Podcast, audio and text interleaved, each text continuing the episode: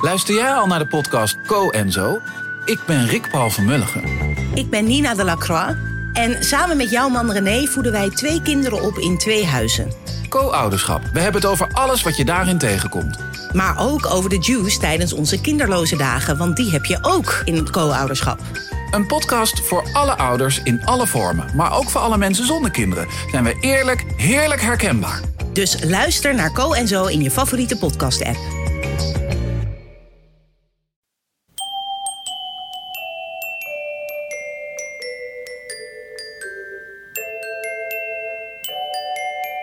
Welkom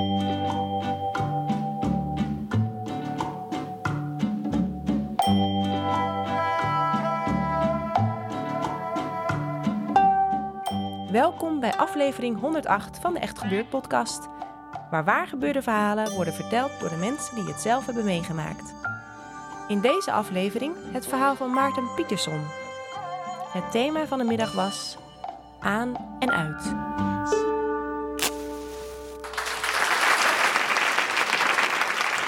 Drie jaar geleden was ik op weg met de trein van Amsterdam naar Bokstel. Ik schat in dat veel van jullie niet weten waar Bokstel ligt. Dat de meesten van jullie denken dat het heel ver weg is.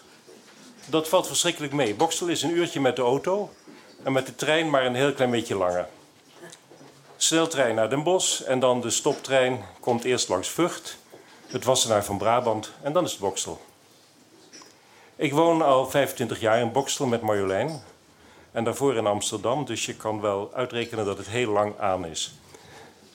Sommige mensen denken dat dat verschrikkelijk saai is zo lang. Dat is niet zo, dat vind ik niet zo. Het is nog steeds zo dat ik soms naar Marjolein kijk en denk: God, ken ik je eigenlijk wel? Nou ja, in ieder geval, ik, had, ik was naar een lezing geweest in Amsterdam. En ik had me gehaast om de laatste trein te halen. En in Den Bosch stappen veel mensen uit. De meesten gaan dan de roltrappen op Den Bosch in. Ik stap uit, steek het perron over. En daar staat de stoptrein al klaar. Er was zo'n oude gele stoptrein. Eh, hondenkop heet dat, met zo'n zo'n dikke neus. En die, als je daar binnenkomt, dan heb je een, een halletje, links en rechts een schuifdeur. En die schuifdeuren die klemmen altijd. Ik stap die trein in, ik probeer die schuifdeur open te doen. Die schuifdeur klemt. Trek nog harder, ram gaat die schuifdeur open. En ik sta op de drempel van die coupé, stom verbaasd. Want achterin zit op een bankje te lezen Marjolein. Ik wist helemaal niet, ik kon me niet herinneren dat ze gezegd had dat ze die avond ergens heen zou gaan. Bovendien, als ze s'avonds ergens heen gaat, gaat ze meestal met de auto. Dus het was vreemd, ik was verbaasd. Ik zei niks, ik zei niet, hé, hey, hallo schat, of hé, hey, wat doe jij hier of zo. Ik zei helemaal niks. Ik was, ja, ik was verbaasd, maar ik was ook een heel klein beetje geërgerd. Van waarom kijkt ze niet even op van de boek als ik binnenkom? Wat is dat nou? Ik loop door het gangpad van die trein tot ik haar bankje al bijna voorbij ben en dan leg ik mijn hand op de schouder. En ik heb nogal grote handen, dus je kan zeggen dat ik haar schouder gewoon beet pak. En zij kijkt naar mij op, ze kijkt omhoog en ik kijk haar aan. En ze kijkt met, met een blik, dat kan ik haast niet beschrijven. Zo, het raakte me echt enorm. Een hele open, een hele verwachtingsvolle, hele bijzondere blik. En ik sta daar en ze kijkt en ze zegt niks. En ik denk, ze gaat iets zeggen en ik zeg ook niks. We staan daar secondenlang zo en opeens gebeurt er iets verschrikkelijk griezeligs. Haar gezicht begint te veranderen. De ogen worden groot, de lippen voller, met de neus gebeurt iets. Het gebeurt allemaal tegelijk en allemaal vloeiend. Ik begrijp niet wat me overkomt. Totdat het veranderen opgehouden is. En opeens zie ik, dit is Marlijn helemaal niet. Trek mijn hand terug. Ik zeg, oh mevrouw, neemt u me niet kwalijk. Ik dacht dat u mijn vrouw was. Ik hoor het mezelf zeggen en ik denk, dit is gewoon krankzinnig. Dit is absurd, zoiets kan je niet zeggen. Maar ik was niet meer te stuiten. Ik zei, de gelijkenis, het niet te geloven. Een ongelofelijke gelijkenis, helemaal hetzelfde. En op dat moment zag ik dat ze aan haar rechterhand had ze een ring een, een, een gouden ring, eigenlijk een zegelring zonder zegel met een blauwe steen. En ik zeg, verbijsterend, zelfs de ring is hetzelfde. Nou is het zo dat Marjolein heeft een ring met ook zo'n blauwe steen, lapis lazuli. Ik weet dat het zo heet. Alleen die ring is helemaal gekarteld en gebobbeld en er zit niet in goud. Het is een heel andere ring. En toch zei ik dat die verbijsterend hetzelfde was. Ik dacht, ik ben gek geworden. Wat is hier aan de hand? Ik moet maken dat ik wegkom voor ik nog grotere onzin uitkraam. Dus ik zeg nog een keer sorry, ik draai me om en loop terug naar die schuifdeur. En val neer op een bank. De, de deuren van de trein gaan sissend dicht en we rijden het station uit.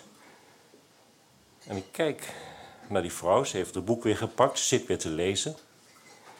Ze heeft haar ene been over het andere geslagen. Uh, ze heeft hele mooie, halfhoge zwart leren laarsjes aan. Een beetje hak, maar niet te veel. Een panty van grijs met een werkje erin. Een beetje onregelmatig, heel mooi. Zwart, hele mooie benen. Zwart rokje, verder ook zwart. Helemaal de stijl van Marjolein eigenlijk. Wat, alleen wat chiquer, wat meer, wat meer vucht dan Bokstel eigenlijk. Ik denk, god, is eigenlijk gewoon een hele mooie vrouw. Het is een beetje zonde dat ik me opeens weggerend ben daar. Ik zou eigenlijk even, even moeten opstaan en, en even bij gaan zitten misschien. We hebben tenslotte ja, iets bijzonders meegemaakt. Maar de trein mindert al vaart. Ze slaat het boek dicht en stopt het in de tas. Ik denk, ah, zie je wel, vucht. Uh, maar als de trein stilstaat, stapt ze niet op. Ze pakt een soort schriftje uit haar tas en begint daarin te schrijven. De trein rijdt weer weg. God.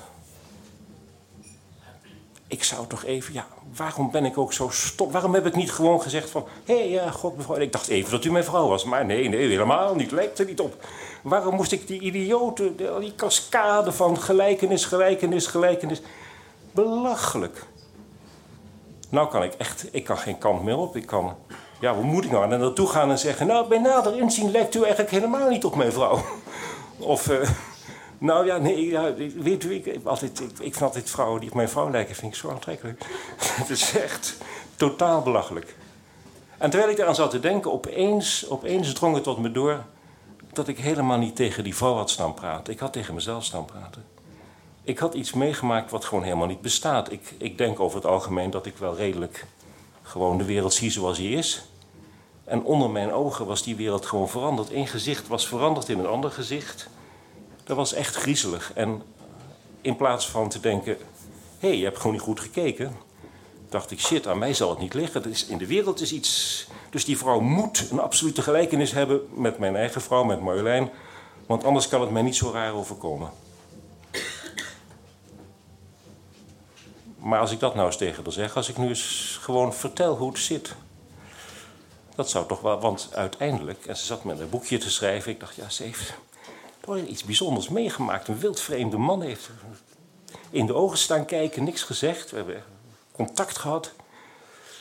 Nou, de trein mindert alweer vaart. Boksel, te laat, niks aan te doen. Ik, uh, ik sta op en dan heb ik wat beter zicht op haar. En ik zie dat ze helemaal niet zit te schrijven in een boekje. Ze is een puzzelboekje, ze zit sudoku's te maken. Dat was wel teleurstellend. Ik ben uh, door de heldere sterrennacht naar huis gefietst. En toen ik thuis kwam, zat Marlijn op de bank te lezen. Ik deed de deur open en ze zei... Ha, schat, leuke avond gehad?